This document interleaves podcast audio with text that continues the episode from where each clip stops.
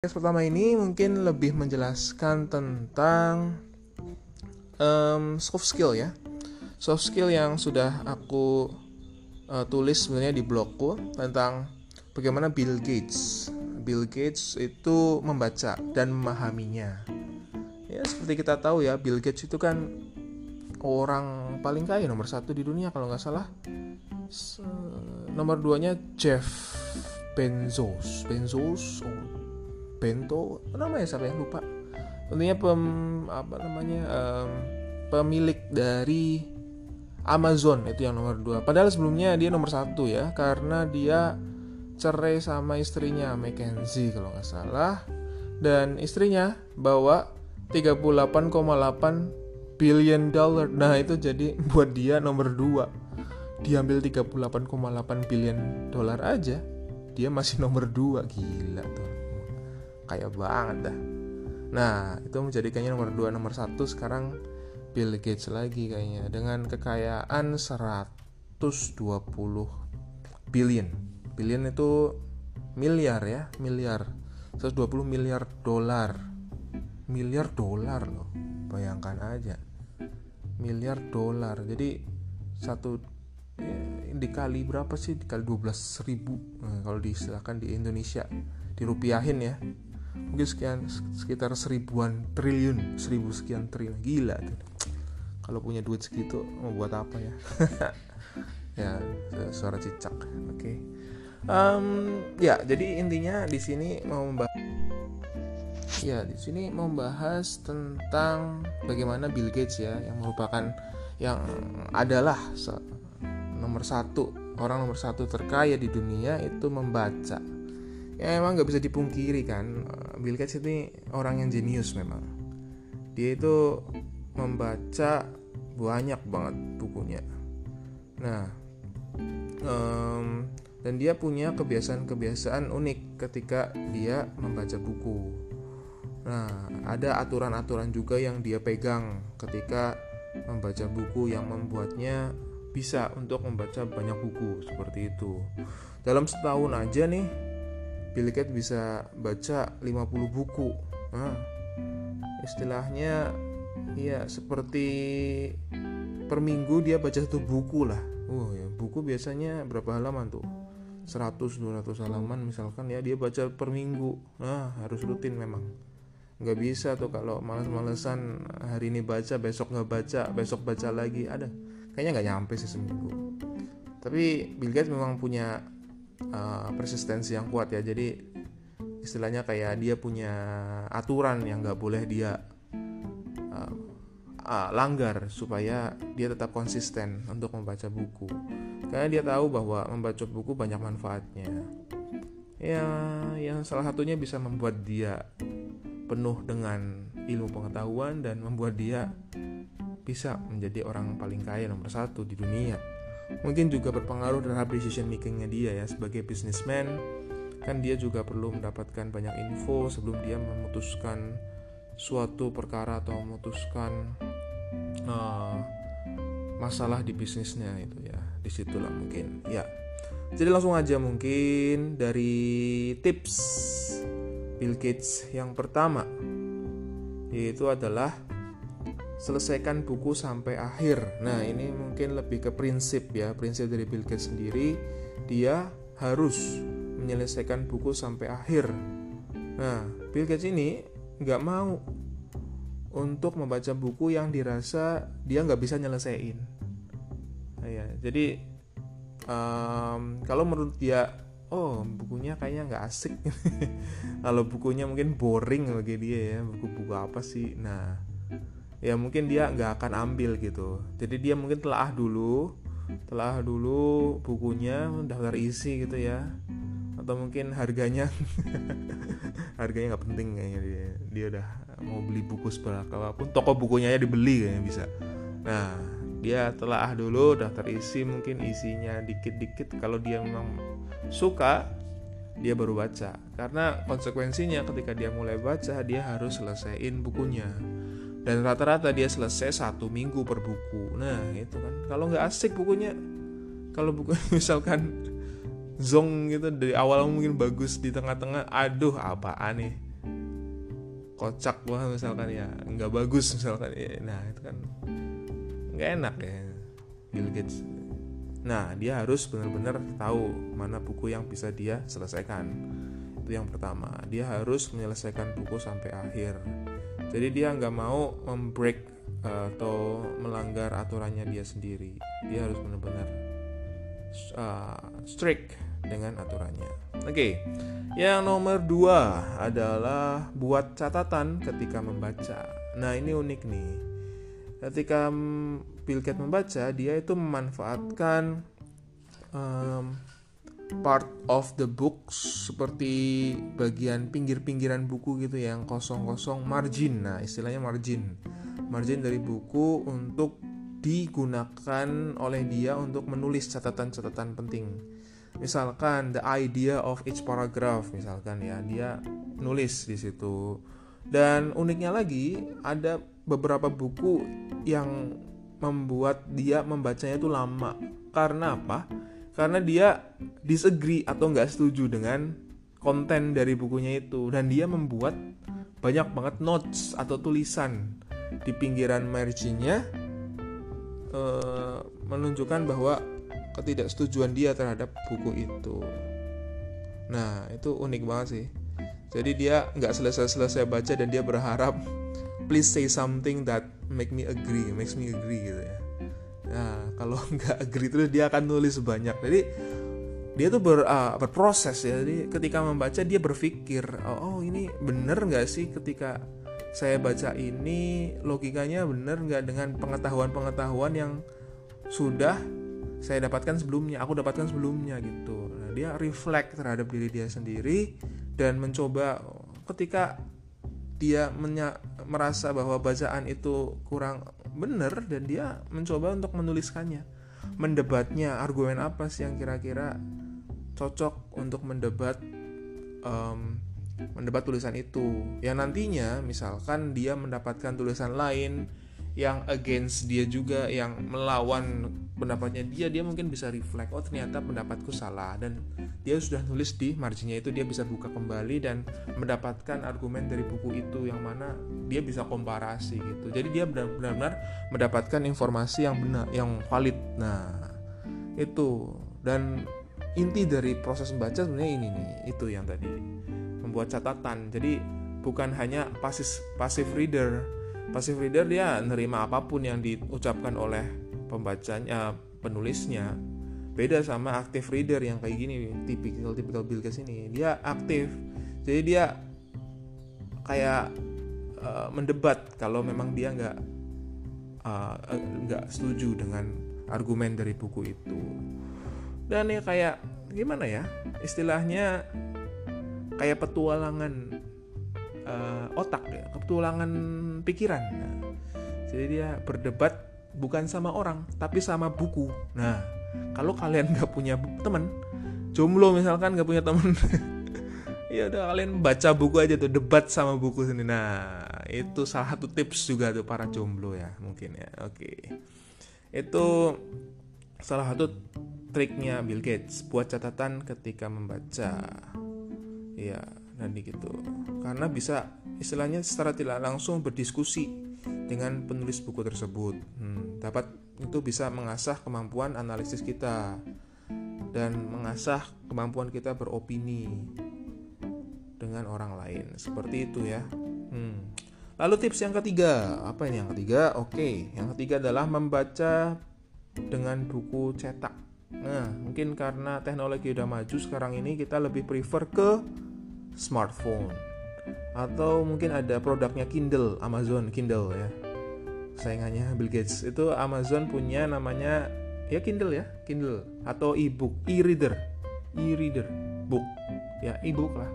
Ya e-reader baca e-book. Nah itu jadi kayak HP cuman dia tidak terlalu e-reader ini kayak HP cuman dia tidak terlalu memancarkan cahaya apa sih namanya? Blue light. Ya yang membuat mata kita capek gitu atau bisa merusak mata kita. Nah itu produknya Kindle ya.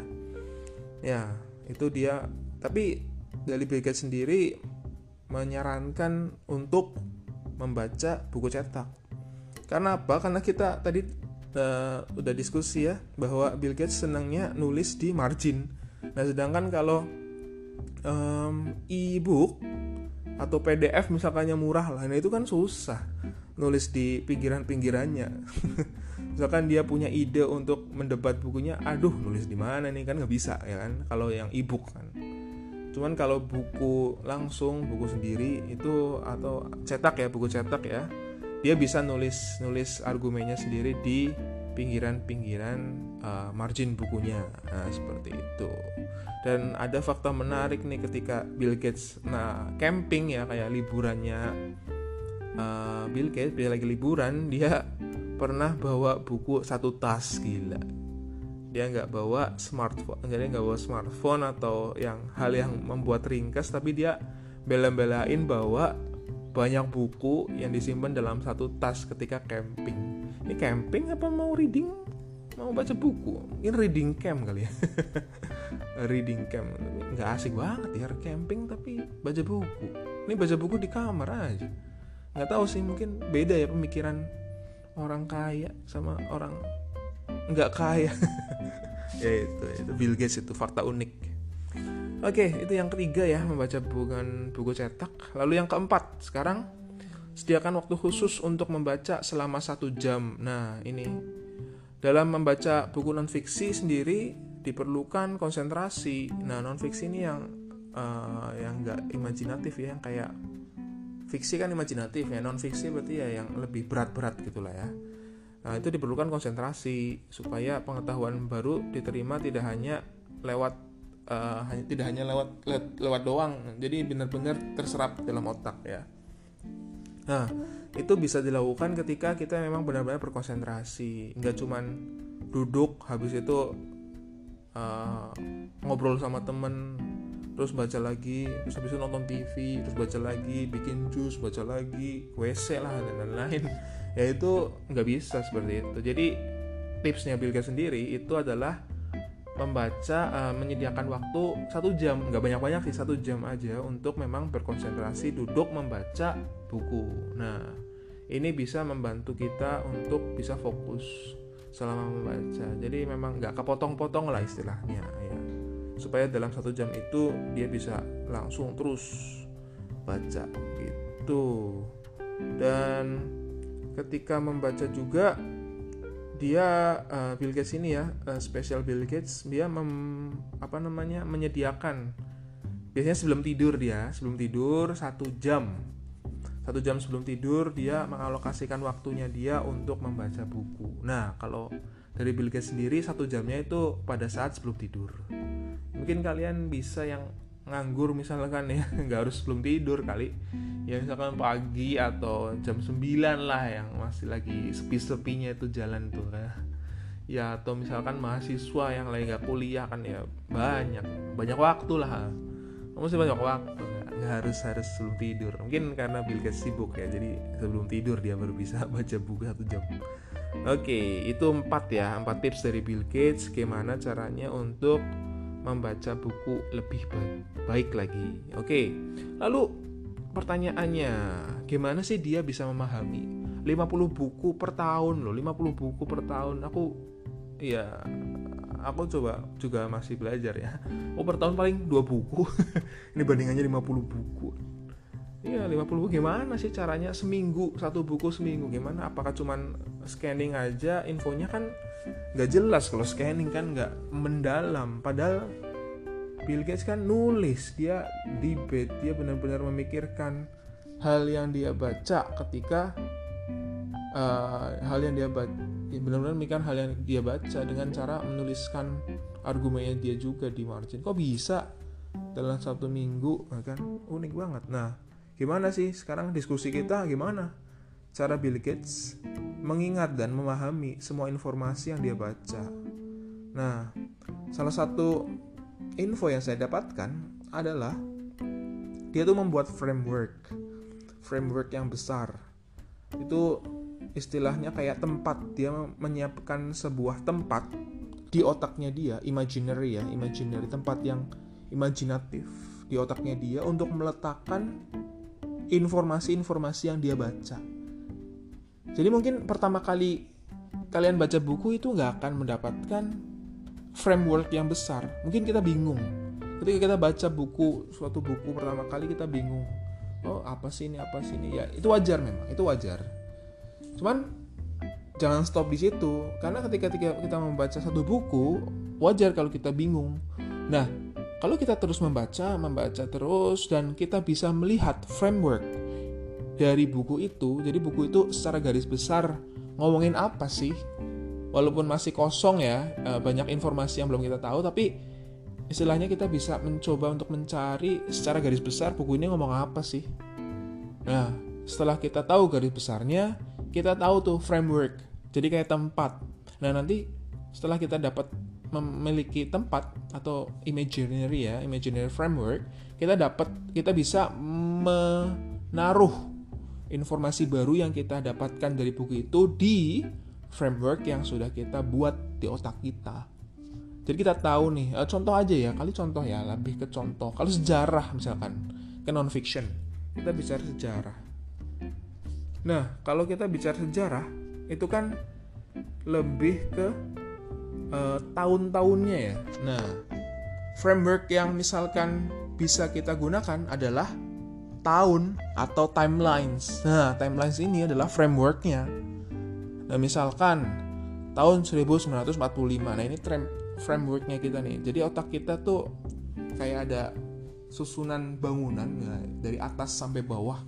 Dari tahun yang paling jebot apa sih namanya paling lama. Nah, tahun yang paling lama itu di bawah terus yang ke atas ke atas ke atas itu menuju tahun sekarang 2019 nah seperti itu. Nah tahun 1945 itu kita bayangkan ada di bawah di lantai berapa misalkan? Di lantai dua. Nah itu kita menyimpan informasi tentang kemerdekaan Indonesia. Nah gitu. Terus tahun 1998 misalkan Soeharto turun. Nah itu disimpan di framework otak kita. Jadi nggak asal random aja informasinya tuh nggak disimpan randomly nggak. Jadi nyimpan out nyimpan informasi menurut saya menurutku ya kayak nyimpan buku dengan rapi gitu. Kalau kita nyimpannya dengan rapi kita gampang nemuin informasinya. Kita gampang untuk merecall informasi yang kita simpen. Nah gitu ya.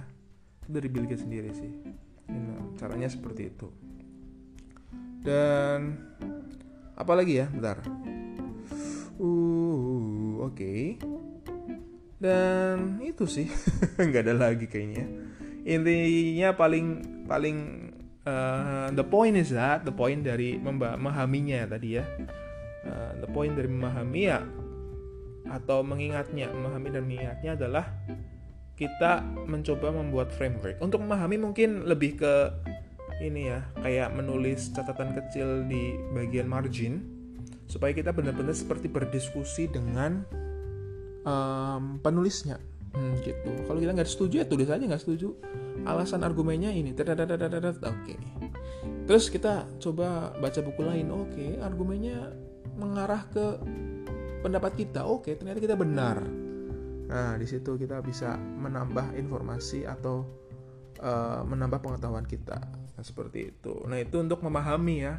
Lalu untuk mengingat ya pakai framework yang tadi sudah dijelaskan.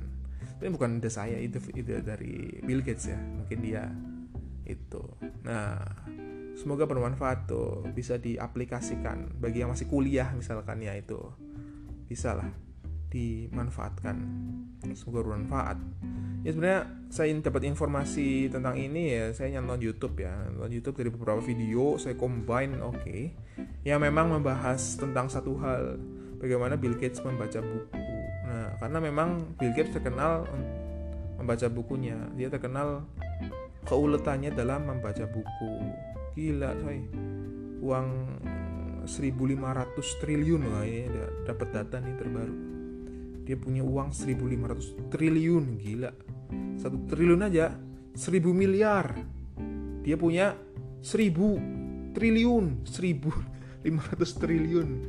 1500 nya 1000 miliar. Wow gimana yang bayangin? Nggak bisa bayangin. Uang semiliar aja udah banyak gila. 1000 miliar dikali 1500 lagi. Ih. Sebeli apa ya? Sebeli kota kayaknya dia. Bisa beli apa pun yang dia mau wow. Dan fakta unik lagi nih Bill Gates itu menghasilkan 5,5 juta rupiah per detik. Gila per detik 5,5 juta rupiah. Nah aku ngomong sepanjang ini nih uh, podcast selama berapa menit nih? 20 menit lebih ya. Dia udah bisa menghasilkan berapa juta? Padahal cuma dengerin doang gila. Dia bisa nginep di hotel yang 5,5 juta ya. Misalkan dia cuma satu detik tek ya udah. Balik lagi duitnya dia. Nggak pernah kehabisan duitnya. Oh nikmat sekali ya. Dan fakta lagi nih keren nih.